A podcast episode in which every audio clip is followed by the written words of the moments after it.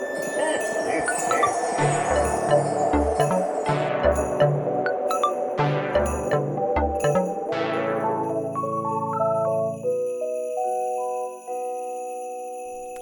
og velkommen til eh, Kalkjulus med Anne og Jon Christian? I dag eh, er det 4. desember, og det er jo andre søndag i advent.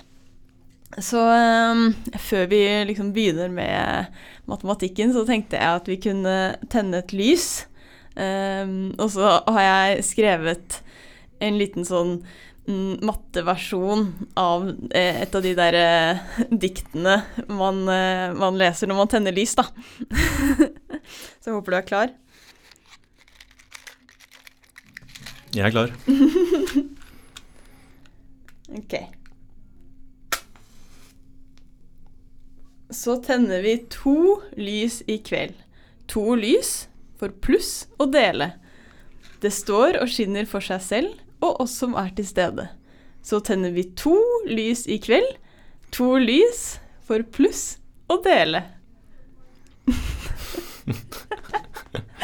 er det ikke koselig her nå? Jo, veldig fint dikt. Nå har vi lys og pepperkaker og appelsiner. Ehm, og appelsiner eh, er jo faktisk relatert til det vi skal snakke om i dag. Ja. Ehm, kan ikke du Kan du fortelle om det? ja, altså i dag skal vi snakke om noe som heter sværepakking sfærepakking. Ok. Og ja, det er et sånt klassisk problem i matematikk. Og det har blitt litt uh, populært i det siste, da, fordi Fields-medaljen, som er på den Nobelprisen i matematikk, det gikk uh, til Marina Wiasowska i år Okay. for hennes eh, arbeider da, om, eh, om sfærepakking. Men, eh, hva, er, hva er en sfære? En sfære er ja, en kule, da. altså overflaten på en ball. Mm. Og, Eller en appelsin? Eller en appelsin. ja, absolutt. Um, sfærer eksisterer jo egentlig i alle dimensjoner. Da. Så f.eks. en sirkel er en sånn sfære bare i dimensjon én. Da. Så det er en endimensjonal sfære. Oh, ja. Mens eh, en, altså, skallet på en appelsin, det er en todimensjonal sfære. Ja, ok. Mm. Men så har du høyredimensjonale sfærer også. Og ja, Det hun eh, Marina Wiasowska fikk uh, Fields-medaljen for, var faktisk eh, hennes arbeider som handler om eh, åttedimensjonale sfærer og 24-dimensjonale sfærer. da. Ok. Høres veldig rart ut. Ja, det er litt sånn spesielt, men um, det tenkte jeg jo faktisk snakke om i en senere episode. Da. Så det vi kunne snakke om i dag, kanskje, var liksom litt mer om liksom, hva sværpakking Altså hva, hva er det problemet? Mm, ja. Og det er jo et sånt ganske klassisk problem, og det går tilbake til uh, iallfall 1611, eller 1600-tallet, med eh, Johannes Kepler, som er en ganske kjent astronom. Mm. Og på det tidspunktet så hevdet han at um, den tetteste måten å pakke sammen uh, kuler, altså kanonkuler eller ja, sfære på, da, Mm. um, det er uh, på en måte gitt ved den vanlige måten å stable appelsiner da, som du ser i butikken. Så hvis du går inn på fruktavdelingen på butikken, så Mhm. ser du kanskje at uh, appelsinen er stablet i en sånn litt sånn pyramideform. Altså det er på en måte sånne trekanter i bunnen, og så er det at du legger liksom Ja, du appelsinene i hullene. Da. ja, du tetter igjen hullene, Ja. og så på neste lag så tetter du igjen de nye hullene. ja, nettopp. Så Mm. får du en sånn stabel som ser veldig fin ut. Mm. Og ja, det er jo intuitivt det at det her skulle være den beste måten å pakke sammen sånne appelsiner på. Mm. Men det å bevise det, det er et kjempevanskelig problem som ble kjent som Kepler-problemet. da. Å ja. På 1600-tallet. Ja, så det er Oi. et 400 år gammelt problem det her, da. Hm. Ok, nå snakker vi om den tetteste måten da, å pakke sånne appelsiner på. Mm. Hva betyr egentlig det? Ja. Så ja, for å få litt sånn intuisjon for det problemet her, så er det kanskje lett å se på, på det todimensjonale tilfellet først, da. Ok. Så istedenfor å starte med appelsiner, da, som er todimensjonale, så la oss starte med sirkler, da, Ja. istedenfor. Mm. Ok, så her er det kanskje lettest å se for seg at du har eh, planet, og så har du eh, massevis av mynter, si énkroner. Mm.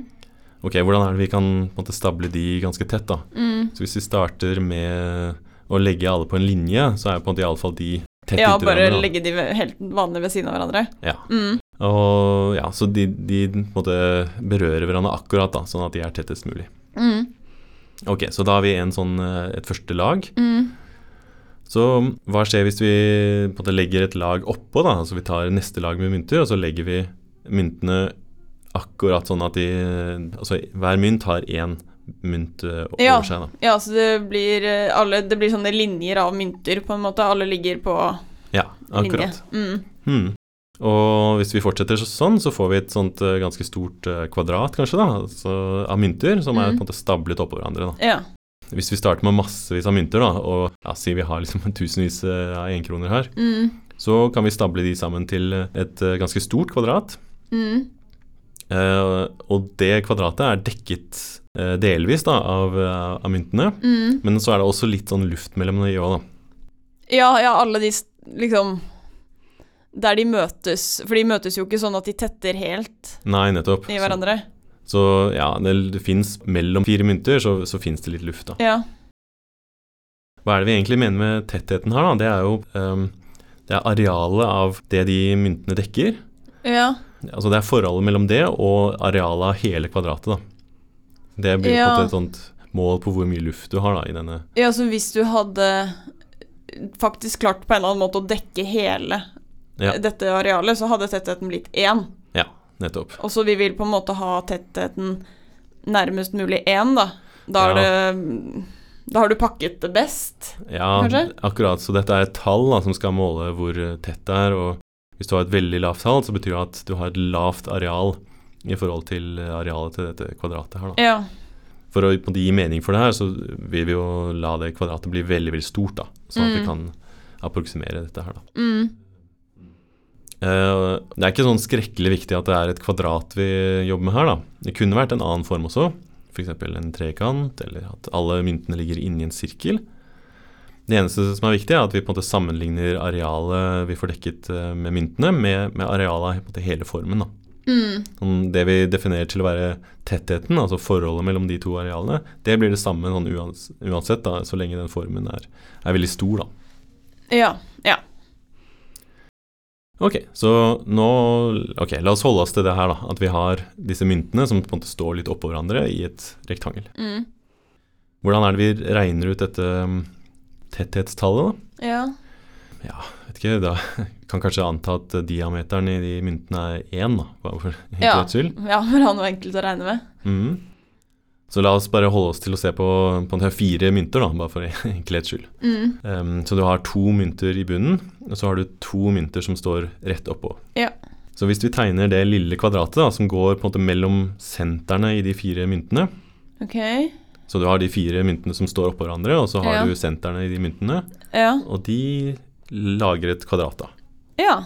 Ja, ja det er liksom det hullet i mynten i enkroningen, i hvert fall. Ja, akkurat. Mm. Så ok, i og med at eh, diameteren til mynten er én, da, Mm. så får det eh, kvadratet her sidelengde én. Ja. Mm. Mm. Med areal bare én ganger én. Én ganger gang én. ja. Ja.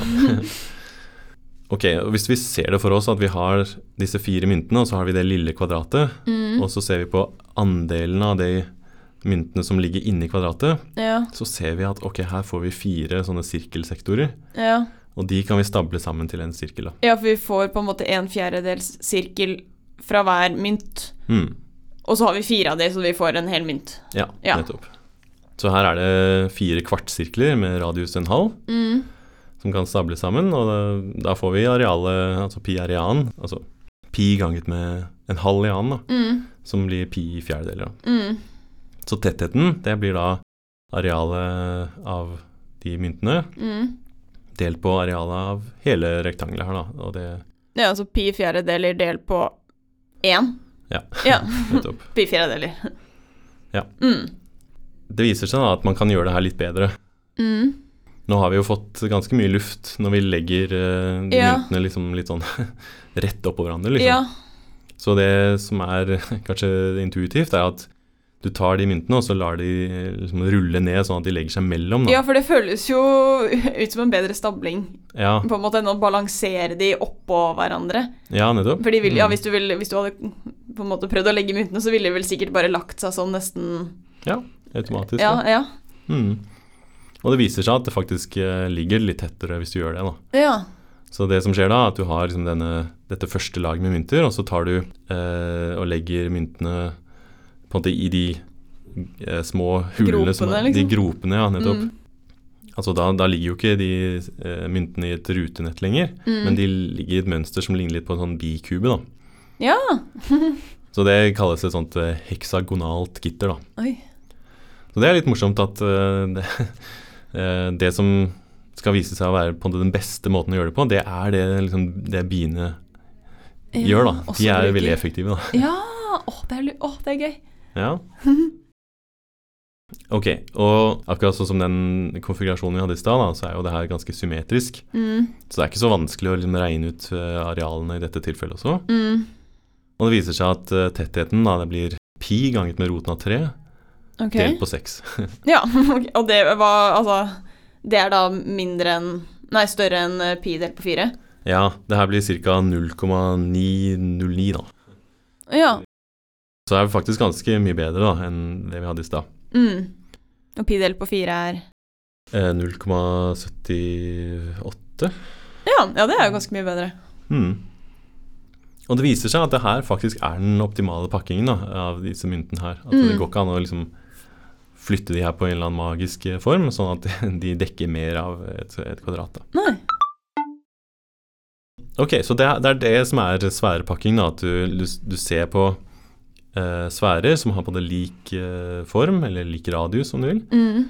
Og så spør du liksom Ok, jeg skal stable de sammen til en kube eller en, et rektangel eller noe sånt. Og så, mm. og så ja, hvilken pakking er det som gir den optimale tettheten, da. Ja. Og i dimensjon 3 så viser det seg at du kan gjøre litt av den tilsvarende analysen som vi gjorde nå. Altså mm. du, hvis vi starter med disse eh, appelsinene, så kan vi ta og legge de da, akkurat sånn som det heksagonale gitteret, sånn som Mm. akkurat tok. Ja. eh, Der hvor de ligger litt sånn på en sånn skrå linje. Ja. Og så kan vi ta og legge nye appelsiner oppå der igjen, da, sånn at de både dekker ja. eh, hullene. Og det er jo akkurat det vi ser i fruktdisken, da, at det, altså, Så er sånn de har det også skjønt det? De, De har det, da. Ja. Ha, det er kult. Ja. um, ok, så i dimensjon to så er det ganske vanskelig å vise at det her er optimalt. Ok. Men det er enda vanskeligere da, i dimensjon tre. Det er veldig, veldig vanskelig. så Ja. ok, dette her er jo et problem som kommer fra 1600-tallet. Mm. Men um, det viste seg at det skulle ta nesten liksom 400 år da, før du liksom fikk faktisk bevist det her. ja, altså fra 1600-tallet til så 400 år, så 2000-tallet. Faktisk så er det 2014 da, som er på en måte spikeren i kista for det problemet her. da. Oi! Så det er veldig Det er rart. Det er rart å tenke seg. Ja, det er jo et sånt så enkelt problem å forstå. Da. Men så viser det seg at matematikk ikke har så gode verktøy da, til å på en måte angripe den type problemer. Mm. Men det var jo altså i dimensjon tre, da, så det hun eh, Marina Wiasowska jobbet med, det var arbeider i dimensjon 8 og 24, da, der man også har løst det. Ja, ok, så hun har løst noe tilsvarende. Ja. Bare for det er, ikke, det er ikke det samme svaret i alle dimensjonene. Nei, og der viser det seg at det er helt ekstra rare fenomener som skjer da, i dimensjon 8 og 24. Og ja, det må vi nesten snakke om i en annen episode, tror jeg. Ja. Ja, men gøy. Da, da, men da kan vi jo kan vi gå over til eh, juledelen, da. Yes. Du må, du må trekke en ny eh, lapp Ja. fra julekalenderen. Yes, skal vi se. Ta den her. um, julegaveshopping fra butikk eller på nett? Hm. Det kommer litt an Altså, hvis jeg skal svare først, da. Mm. Altså, det er jo hyggeligere å gå i butikken og, og finne noe. Mm. Tenker man sånn Å, den personen der eh, vil sikkert elske den, det maleriet der. Eller Mm. sånt, da. Um, så det er avhengig av at du liksom treffer veldig da, på den butikken. Ja. Men jeg syns faktisk det er litt stress også før jul, når det er så innmari mange folk i butikken. Og det hender at jeg på en måte tenker gjennom først hva jeg skal kjøpe til vedkommende, og så, så går jeg ut for å liksom gå i butikken. da. Mm.